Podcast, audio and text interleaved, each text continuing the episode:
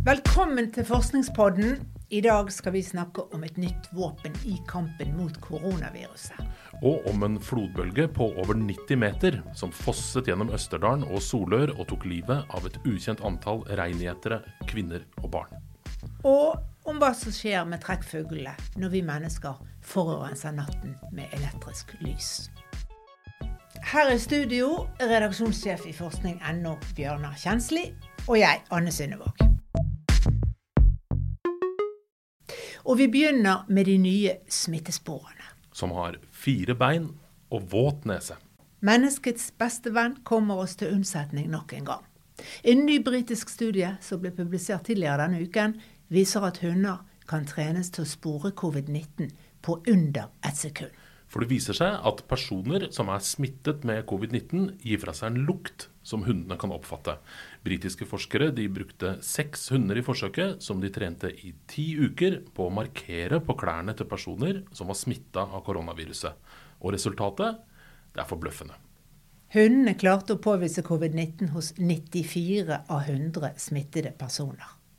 Til sammenligning så identifiserer den vanlige koronatesten den som kalles PCR-testen, 97 av 100. Så PCR-testen er en tanke mer pålitelig enn passopp. Til gjengjeld så gir hundene diagnosen på under ett sekund, mens PCR-testen den tar timer i laboratoriet. Og I en kontrollert studie som ble gjort på 335 personer som møtte opp for å teste seg i Paris, så var resultatene enda bedre.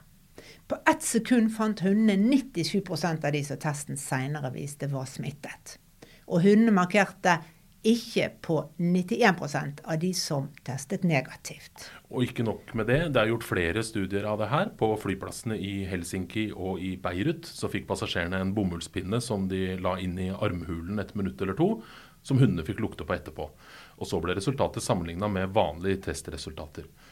Og det viser seg at hundene lukter viruset opptil flere dager før PCR-testen klarer å påvise det. Hundenesen ser altså ut til å være mer sensitiv enn PCR-testen. som er den beste vi har. Ok, ja, Men nå må vi ha med da at ingen av disse studiene er fagfellevurdert ennå. Så det er ingen forskere som, altså andre uavhengige forskere som har gått god for, eh, for disse resultatene. Og det er et viktig forbehold. Men fordi det haster med å få ut alle forskningsresultater om covid-19, så slipper forskerne dataene og resultatene før de liksom publiserer i, i, tidsskrifter. Men ifølge disse foreløpige resultatene så klarer altså hundene å lukte seg fram til covid-19 selv om personen ikke har symptomer og bare har små mengder med virus i kroppen. Forskerne vet ikke nøyaktig hva det er hos de smittede personene som gjør at hundene kan lukte det. Men de tror at når vi blir syke av et virus, så utsondrer kroppen noen molekyler som hundene fanger opp med sin utrolig finstemte nese. Sporhunder de er jo i bruk på flyplasser allerede. Og de brukes jo til å spore våpen eller eksplosiver eller narkotika og til og med penger. Og i andre sammenhenger så har forskere klart å trene hunder til å påvise kreft hos mennesker og malaria. Nå prøver forskerne å identifisere det luktmolekylet som hundene gjenkjenner hos koronasmittede.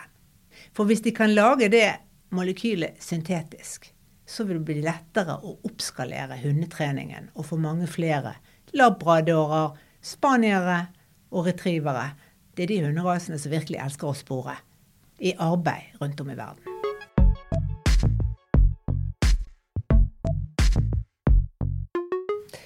Tenk deg en innsjø som er fire ganger så stor som Mjøsa. Og over 400 meter dyp noen steder. Omtrent som veneren i Sverige, altså.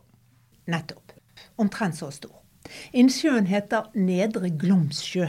Den lå en gang i Østerdalen, 665 meter over havet.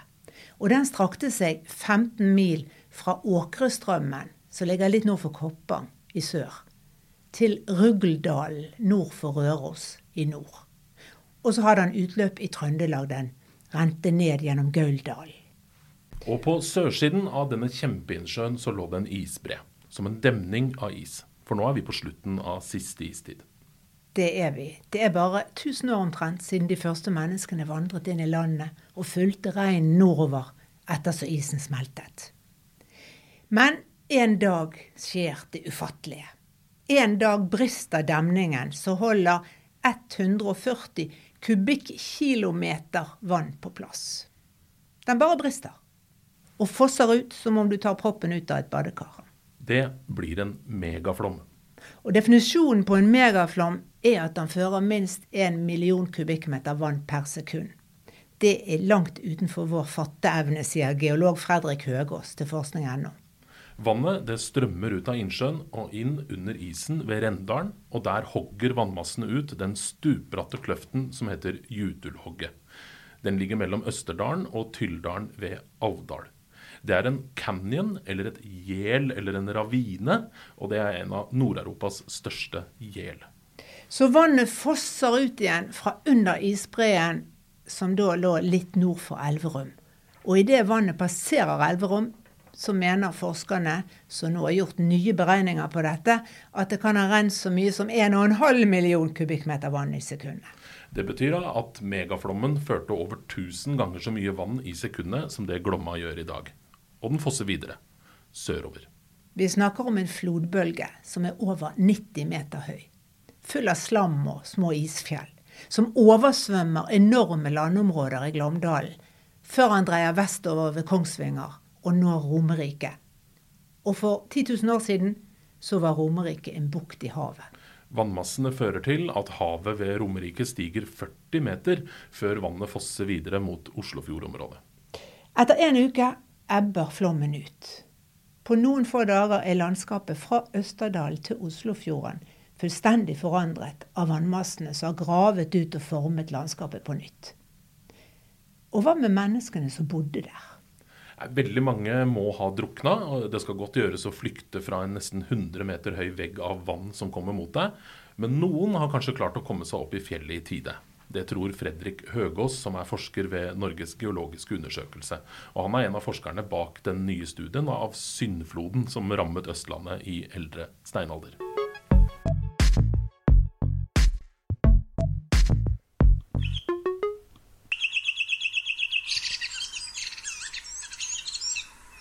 Fuglene våkner til liv tidlig om dagen, Bjørnar.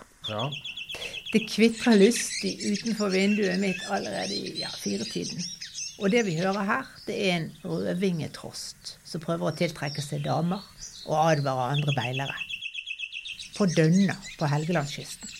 Ja, Fuglene begynner i grålysningen, og når de første lysstrålene bryter nattemørket. Og da er spørsmålet hvordan påvirker all den lysforurensningen i byene våre fuglene sitt liv? Det har britiske forskere prøvd å finne ut av. De har tatt opp lyden av nettopp trosten om natten. Og det viser seg at trosten kvitrer fem ganger mer enn vanlig når den befinner seg nær opplyste storbyer. Og det behøver ikke være millionbyer med skyskrapere og masse neonlys.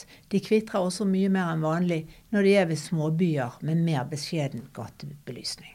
Det virker altså som om kunstig nattbelysning forstyrrer døgnrytmen til trosten. At fuglene da oppfatter nattlysene fra en by som om at dagen begynner å gry, sier fugleforsker Arne Follestad ved Norsk institutt for naturforskning til forskning.no. Og ettersom trosten trekker om natta og hviler om dagen, så kan det fort føre til at trosten slår seg ned på bakken om natta istedenfor å fly videre. Vi vet faktisk ikke helt hvordan trekkfuglene finner veien fra nord til sør om høsten og opp gjennom våren, men forskerne vet at de kan navigere etter jordens magnetisme, etter månen, stjernene eller landemerker på bakken. Og at ulike fugler har ulike måter å finne veien på. De britiske forskerne de mener at lysforurensninga kan forvirre fuglene, så de blir desorienterte og bruker for mye energi på å trekke dit de skal. Eller at de drar til steder der de i utgangspunktet ikke skulle. For fuglene trekkes mot lys. Arne Follestad har observert trekkfugler som trekkes mot de lysende oljeplattformene i Nordsjøen om natten. Og under visse værforhold, som tett tåke, så sirkler de over plattformene helt til de krasjer. Eller blir utmattet og slår seg ned på plattformen, som det siste de gjør. Men så, når man har prøvd seg da på å slå av deler av belysningen øh, om natta på noen plattformer, da har flokkene med trekkfugler som sirkler over plattformen, løst seg opp på fem minutter og flydd videre og fortsatt å trekke. Så det fins løsninger. Alt dette viser behovet for å dempe den kunstige belysningen om natten, sier en av de britiske forskerne bak studien. Og du kan lese mer om denne og de andre sakene vi har snakket om i dag på forskning.no sine nettsider. Forskningspodden er laget av Anne Synnevåg og jeg, Bjørnar Kjensli, for forskning.no. Takk for at du hører på.